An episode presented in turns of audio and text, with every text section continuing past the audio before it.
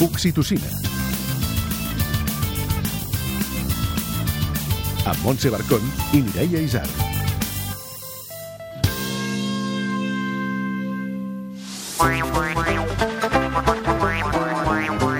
Esteu preocupats per menjar sa vosaltres i la família? Avui trucs i consells bàsics amb Trinitat Gilbert. En Xavi Cazorla, el Macón, ens explicarà com mengen les seves nenes i si els àpats familiars són batalles campals o no. Oi, oi, oi, oi, oi. Sabrem com fa de pare l'actor Carles Xuriguera. Tindrem, com sempre, propostes per escampar la boira amb Mamaproof i el culturista. I acabarem amb el conte d'un minut de la Montmas i les lliçons de l'ofici de tocar de l'Elisabet Pedrosa. No perdem més temps i comencem l'Oxitocina! Tu, tots, tothom. Hola, sóc en Carles Xuriguera, pare de la Clàudia, de la Miquela i de l'Adriana. Què no t'esperaves de la paternitat? La paternitat a mi m'ha ensenyat a estimar diferent estimar d'una altra manera entendre, entendre un, un altre sentit de, de l'amor uh, quan veus aquelles personetes a davant teu uh, que algunes uh, es poden semblar molt a tu però que tenen personalitat pròpia que van, que van per, per la seva via que fan el seu camí uh, de cop i volta apareix una nova forma d'amor Digues el record més divertit de la teva experiència com a pare. hi ha una anècdota amb la meva filla Miquela quan tenia 4 o 5 anys, ara en té 10 eh, que estàvem en una carnisseria al poble no, estàvem fent cua val, perquè ens servissin hi havia un, més o menys un, un cert silenci i la Miquela de cop i volta em mira i fort que la sentís tothom em pregunta papa, tu tens pèls al cul? Eh, clar, jo no vaig contestar res però mm, vaig fer com aquell riure nerviós que no, que no, no sabies què dir. Eh, ella esperava una resposta i com que no venia la resposta diu perquè la mama sí i li molesta molt. Clar, tota la carnisseria va, va riure molt, molt, molt i nosaltres vam comprar la carn que anàvem a comprar com vam poder.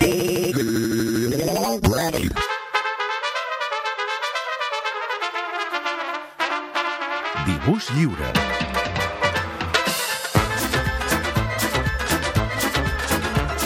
Dels maldecaps amb els quals ens trobem les famílies és el menjar dels nostres fills i de nosaltres mateixos, de fet. També, també, també. Que si menja poc o massa, que si la proteïna, la verdura, la llet sí o no, els berenars, què faig de sopar? Un llarg etcètera.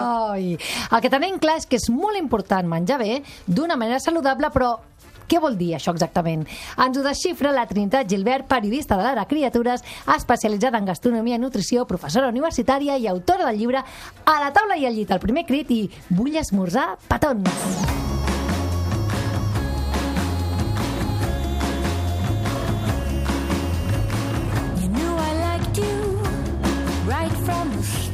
Trini, benvinguda a l'Oxitocina. Hola. Et, necessi et necessitàvem una mica, perquè Moltes això del menjar... Quina pressió, eh, que em doneu, que jo tampoc no ho faig bé tot, eh? Almenys tens la Ni teoria. ganes. Sí, la teoria en tenim moltes, moltes. I de criatures en tinc dues, més teories que criatures. Estàs anar aplicant a poc a poc cada dia, no? El que es pugui. Sí, o acabar la setmana dient alguna cosa he fet bé d'aquesta Doncs setmana. sí, és molt, clar que sí. Sí. Amb això ens conformem, de moment. De fet, jo el que vinc carregada d'aquí de màximes i de teories, com m'heu demanat, una de les màximes que jo us porto, que és la que més aplico i la que sempre explico a les criatures quan faig xerrades, és que l'alimentació saludable és aquella que eh, diu que hem de menjar els aliments en l'estat més semblant possible de tal com han sortit a la natura. I llavors jo eh, faig aquesta frase i poso un exemple d'una poma i un croissant. Clar, res a veure. Què és el que més s'assembla tal com ha sortit a la natura? La poma. Però vol dir que el croissant no n'hem de menjar? No, home, no, tampoc. Però sempre que puguem hem de prioritzar el que és més semblant a tal com a, a la natura ens ho ha donat. Una altra cosa és que si un dia et menges un croissant o dos, i aquí ve la segona teoria meva, és que no te n'has de preocupar. O sigui, t'has de preocupar pel que menges cada dia a tots els àpats. Allò sí que ha de ser qüestió del teu uh, menester, de la teva preocupació. Ara bé, de les excepcions, no, home, no. No cal, Ai, no cal. Escolta, mal, això menys de, de, mal. que sigui més semblant a com està la natura, per exemple, una carn de vedella, eh, és millor passar per la planxa o un fricandó també està bé?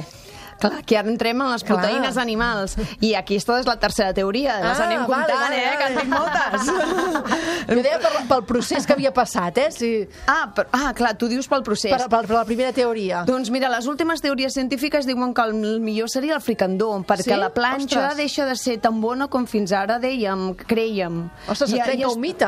Sí, de veritat. Hi ha, hi ha estudis que diuen que la carn cuita a la, a la planxa no és Pel tan cremadet, bon. pel cremadet, eh? Exacte. Mhm. I acaba creant una sèrie que, si vols, jo m'ho preparo i et dic No, no l'estudi. perquè no, et dic- no. T'estic fent el titular del, de l'estudi. El titular de l'estudi és que la carn cuita a la planxa no és tan bona com sempre ens hem cregut fins ara. Per tant, aquí guanyaria el fricandó. Visca! Fricando! Suquem i pa.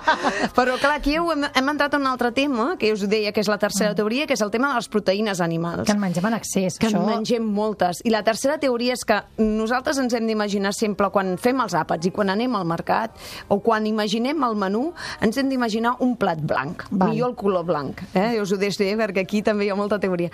Millor un plat blanc i ens hem d'imaginar que la meitat del plat l'has d'omplir de verdura. La que vulguis. La meitat, Trini? La meitat. I per a tots, eh? no tots només per les criatures, per als adults, per als avis, per Dinar a i tothom. sopar, eh? Sí. Sí, sí, és que fins i tot per l'esmorzar.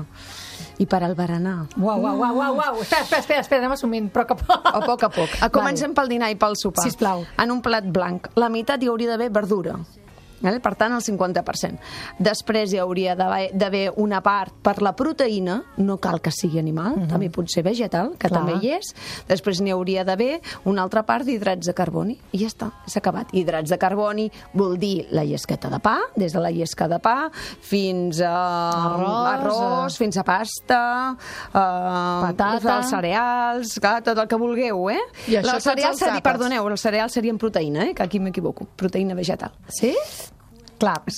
Sí. O sigui, els hidrats seria més, imaginem-nos pasta, pa, pa, la llesca, la llesca de pa, per exemple, que tota la vida hem menjat el, el, el Per plat, dinar, sí, per sí. dinar i per sopar, doncs aquí això ja està comptant com a hidrats de carboni. I fruita de postres. I la fruita de postres, Val. que la podem posar en aquesta part de verdura que hem imaginat. Ah, gràcies. Això, bueno, ens- això salva una miqueta el Clar, tema perquè i, aquí, els i de nens- fet ara hi ha una tendència molt forta que jo crec que ha arribat per quedar-se, no crec que sigui com una moda, que és aquest plat únic ben fornit i ben maco, que això ho hem fet tots nosaltres Sí. tota la vida, no? A casa no ens estan inventant res, vull dir, nosaltres ho hem fet sempre a casa, un plat únic en què hi era tot, ara li diuen pokeball, que és un És plat el tàper. que és, És un plat, és el tàper de sempre. Exacte. El pokeball és un plat hawaià i hi ha molts restaurants, si us hi fixeu, que es, es diuen d'aquesta manera, que hi han posat aquest nom, i és un plat únic molt complet amb tots aquests components que jo us acabo d'enumerar. Aquí a l'oficina hi ha més d'una persona que s'ho demana, perquè més ho porten molts cops a domicili per, Clar. per, per dinar, és un bon recurs, sí, sí. Sí. Amb això de les proteïnes vegetals, que jo us deia, hem parlat del, del cereal, però també n'hi ha molts, els, cigra, els cigrons, els azuquis, la quinoa, el fejol, l'amarant... Uh, les, bueno, tot això serien, for- formaria part de de part proteïna vegetal que hem dit que no només n'hi ha a l'animal. La soja la posaries? Sí, i tant. Val. Sí, sí, sí. no, com és que deia, no, la que si és transgènica també, sí. saps? És que hi ha perills per tot arreu. Tinc la sensació últimament Sí. que llet d'arròs, bueno, de, de la llet també és un capítol, sí. hi ha tot, que tota ja, ella, ja eh? l'atacarem, no? En, aquests, L'atacarem, en, aquestes, en aquests programes Però nostres. és aquesta sensació de dir, val, doncs llet d'arròs, però tampoc, perquè té uh, no sé què, el peix blau també té no sé quantos, i dius, ai, quin estrès! Bueno, jo el que crec que l'estrès l'hem de reduir si nosaltres sabem el lloc de confiança on comprem i què comprem, no? Jo, jo per exemple, eh, tinc el meu lloc on compro el pagès que, se no, que sé que hi és de confiança, no? Vull dir que també, això també hem de confiar en qui li estem comprant el menjar. Però clar, tot és veritat, és veritat que has dit allò de la llet d'arròs. És, és un, un altre capítol, ja l'atacarem. Va, sí, sí, poc a poc, Hi ha poc alguna a altra teoria? Hi ha alguna altra teoria que haguem de saber o ja entrem en matèria? Mira, jo us havia, us, una altra teoria era com fer una proteïna completa, perquè jo el que em trobo també molta gent, eh, els pares que em pregunten moltes vegades sobre, escolta, si no li dono carn, si no li dono el tall, això que també és molt nostre, si no li dono el tall, què, què, què, què, què, què n'he de fer? Vull dir, com ho puc aconseguir? Llavors jo aquí explico combinacions de com aconseguir una proteïna completa, que és doncs, les llenties, les mongetes i les faves, per exemple, barrejar-les amb cereals, que és la cibada, el mill, el cuscús, el que vulgueu. Uh -huh. I així co- aconseguim una proteïna completa. I el- els últims estudis, que això està molt bé, que jo fins ara per aconseguir la proteïna completa ho feia en el mateix plat i ho barrejava pensant així aconsegueixo la proteïna vegetal completa, no. Ara diuen que els últims estudis diuen que si al dia hem fet les llenties i, a la, i al vespre fem els cereals i hem aconseguit la proteïna completa. del dia. meravellós! No és tan difícil com... Un, un estudi que ens simplifica la vida. Sí, ens havien espantat, És així. però ja estem salvades, eh? Sí, sí, sí, doncs sí, sí, eh? L'estudi científic deia exactament la frase que us l'he portada relatada. La combinació de llegums i cereals pot obtenir la proteïna completa, es pot, per obtenir la proteïna completa es pot fer al llarg de tot el dia. Uf, ja està, això.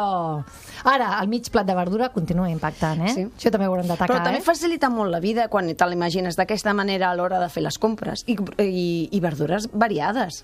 Uh, un dia posa-li un enciam, una amanida d'enciam, i et fa la meitat del plat. Clar. No cal que sempre estiguem fent bròcoli, coliflor... Uh, podem Mongetes. variar molt. Jo crec que, que això de- demanarà un capítol, també, eh? Molt bé. El capítol de les verdures, eh, ja us asseguro jo que hi sucarem també molta pa, perquè també dona per parlar-ne molt.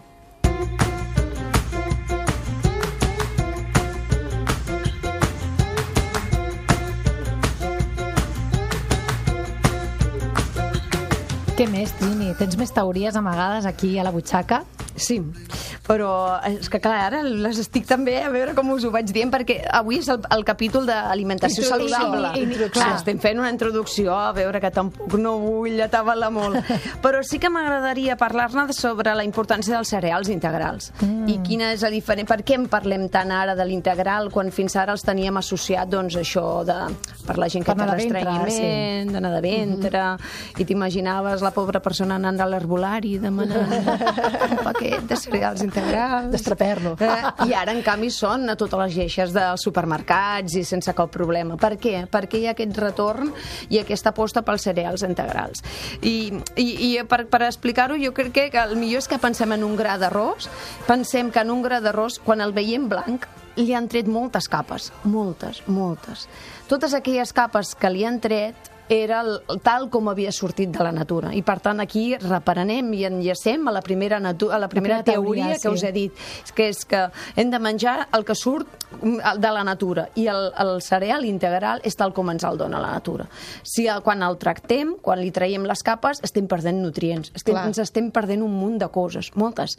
També passa amb la fruita, eh? quan li traiem la pell, ens estem perdent moltes coses. Ja, però després també et diuen pela-la si es pot perquè tindrà pesticides i coses i...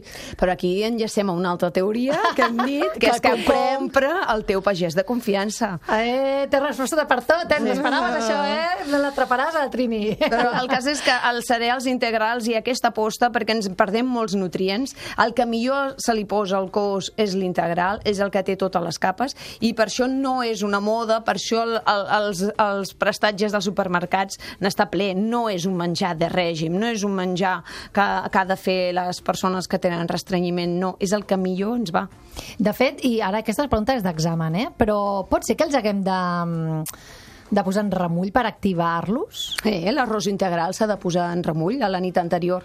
Però, de fet, això a, a, a casa nostra, quan érem petits, ja ho feien, no? Jo tinc el Amb els roc- cigrons, Amb els sí, però cigrons. amb o- l'arròs, mm, També. Bueno, sí? l'arròs potser no tant, era més dels cigrons. Quan es feien els cigrons a casa, ara tots els comprem... Ah, sí, en un pot. Jo a casa meva ja no vist. Anà- Anàvem al nostre barri, hi havia un lloc que mm, cuien a, a, els, els llegums molt bé i anàvem allà.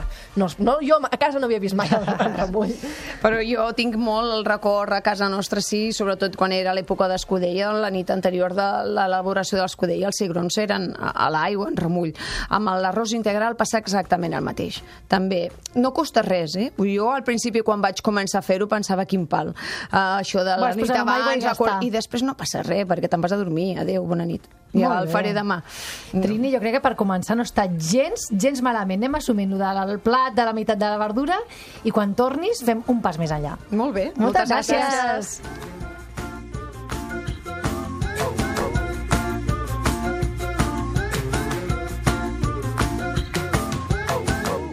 Laconi.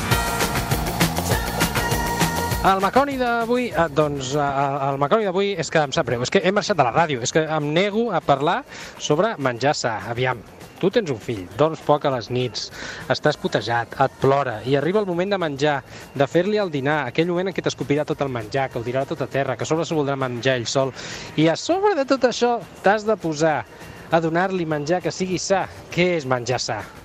Si porta oli de palma no és sa, no? Doncs llavors no m'interessa. No, no, no. S'ha de donar menjar a les criatures. Han de créixer, oi? L'oli de palma les fa créixer? Sí, d'acord, doncs endavant amb l'oli de palma.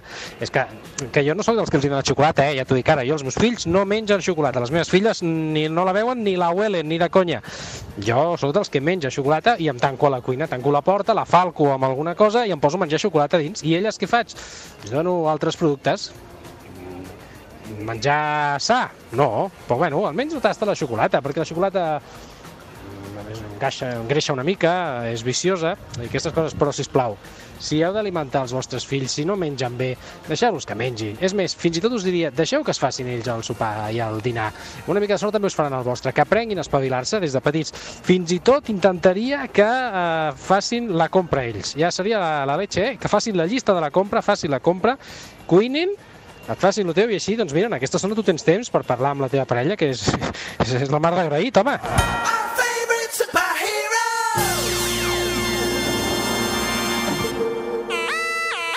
Whatsapps desesperats. Em desespera que la gent desconeguda toqui el meu bebè. Basta ja de gent tocant bebès que no són seus. Gent que troba pel carrer, li toquen la cara, li toquen els ulls, li toquen la maneta, li toquen els peus. Senyor, que estàs treballant, que ve de treballar, mamans brudes, no toqui el meu bebè, que el meu bebè s'ho fica tot a la boca. Basta ja de tocar el bebè dels altres. You work it out.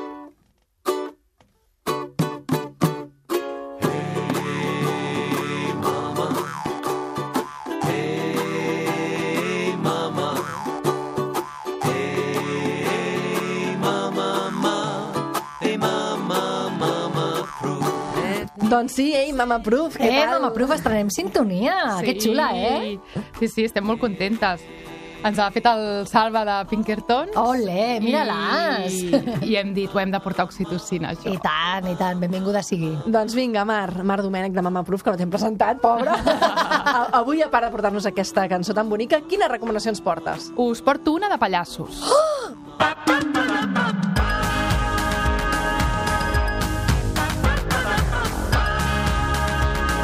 Doncs vinga, pallassos, Oh, anem a veure pallassos. Bueno, aquest cap de setmana eh, encara acull, a Cornellà de Llobregat encara acull la 18a edició del Festival Internacional de Pallassos. Eh. És un certamen bianual amb una clara aposta per la cultura i en concret pel món del pallasso, que a vegades pot ser aquest gran desconegut, però sí que és cert que, que a les famílies i sobretot en, a, per totes les edats és un, un, una temàtica que sempre agrada molt. El festival compta amb la gran carpa de circ a la plaça Catalunya, on el dimecres passat va haver-hi la, la gala inaugural, amb, eh, amb Pallassos eh, sense fronteres i aquest cap de setmana encara podreu veure eh, una pila d'espectacles. Eh, no us perdeu el llarg i variat programa d'actuacions per a tots els públics que tindran lloc per tota la ciutat, amb espectacles al carrer i també a la carpa, teatre, sales i auditori. Oh, quines ganes! Doncs esperem que, que el temps el, respecti, no? També, I també. visca el nas vermell! Doncs això, 18a edició del Festival Internacional de Pallassos. Moltes gràcies, Mar. A vosaltres. Adéu!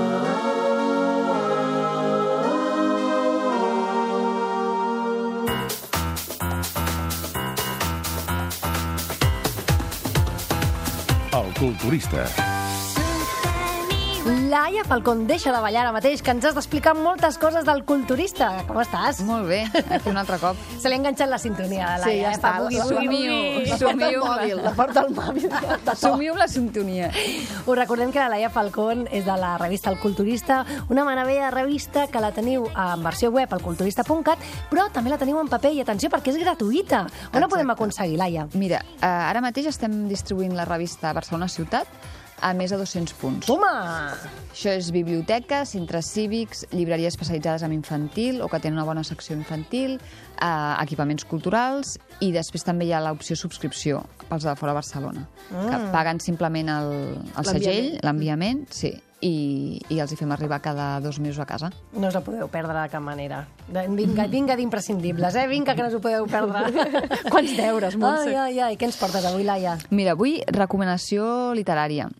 Aquesta és dels que no dic mai imprescindibles, però sí, sí, que, sí que ho és. Sí que ho és.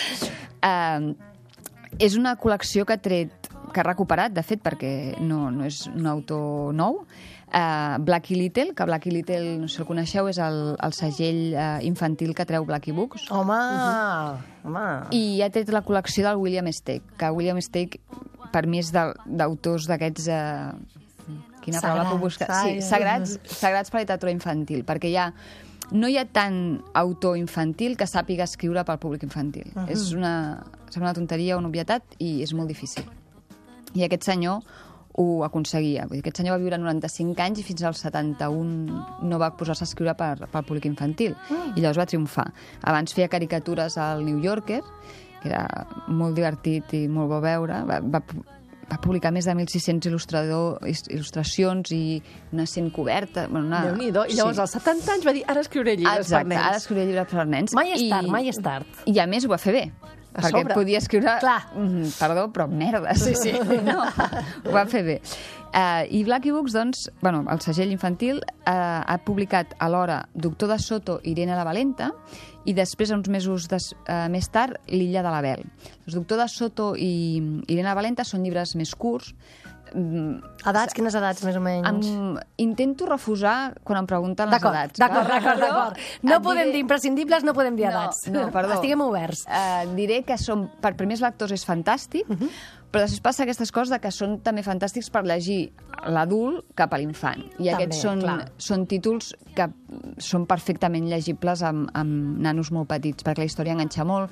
Són personatges, els protagonistes són animals, quasi bé sempre, però el millor és que són eh, divertits, vol trencar estereotips, és zero eh, moralista ni nyonyo i tots els personatges són molt valents.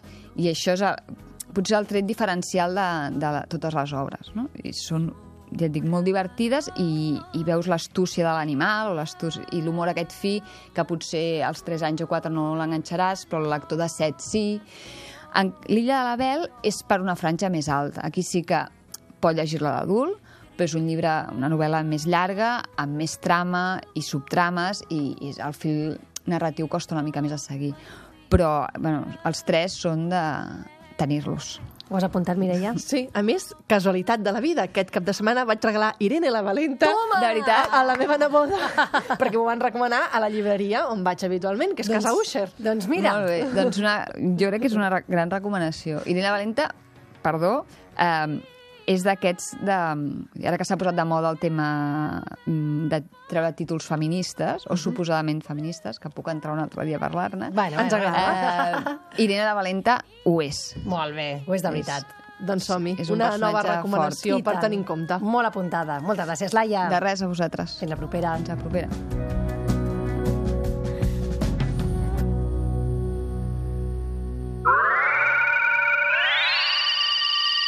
Contes d'un minut, amb Montmas.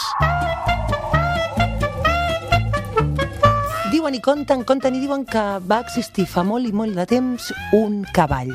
Un cavall que tenia dos caps, un al davant i un al darrere. Aquest cavall era completament indomable. Diuen, diuen que molts i molts cavallers van provar de cavalcar-lo, però mai ningú ho va aconseguir. Aquest cavall pertanyia al rei de Polònia. El rei de Polònia tenia una filla i tot un regne. Estava tan obsessionat, tant, en que aquell cavall fos cavalcat, que va oferir la meitat del seu regne i la mà de la seva filla aquell cavaller que ho aconseguís. Van passar anys i panys. Van passar cavallers i més cavallers, però mai, mai, mai cap cavaller ho va aconseguir, per sort per ells, perquè la princesa no estava disposada a desfer-se de la seva mà. I ara l'Elisabet Pedrosa, de l'Ofici d'Educar, ens ha deixat un missatge. Aquesta setmana hem après que no s'ha de prohibir, sinó que els hem d'ensenyar a fer un bon ús de les xarxes socials. I que primer ens hem de mirar nosaltres mateixos, perquè aprenem junts a fer servir coses com el mòbil.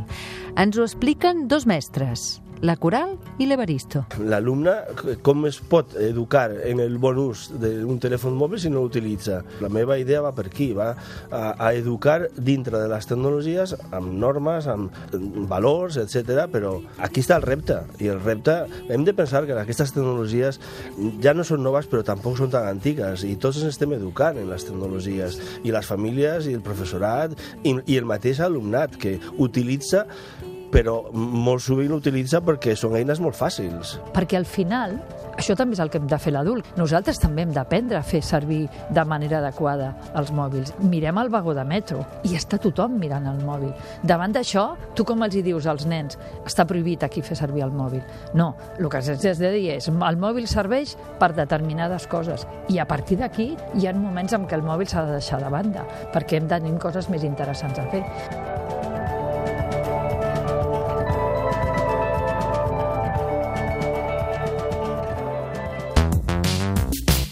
Un consell per acabar. Un consell, un consell com a pare. Per mi és no us escolteu a ningú. No us escolteu a ningú que us dongui consells. Uh, apreneu vosaltres mateixos de la vostra intuïció. Seguiu la, el camí que creieu vosaltres. No us escolteu a ningú. Ni molt menys... O sigui, aquí menys us heu d'escoltar els vostres familiars. I per tant, per tant, acabo de donar-me que tampoc no us heu de- d'escoltar aquest consell que us acabo de donar. És, és, és clar, és una contradicció, això. La dosi d'oxitocina setmanal s'acaba aquí. Si en voleu més, en trobareu al grup de Facebook, al blog del programa i al podcast.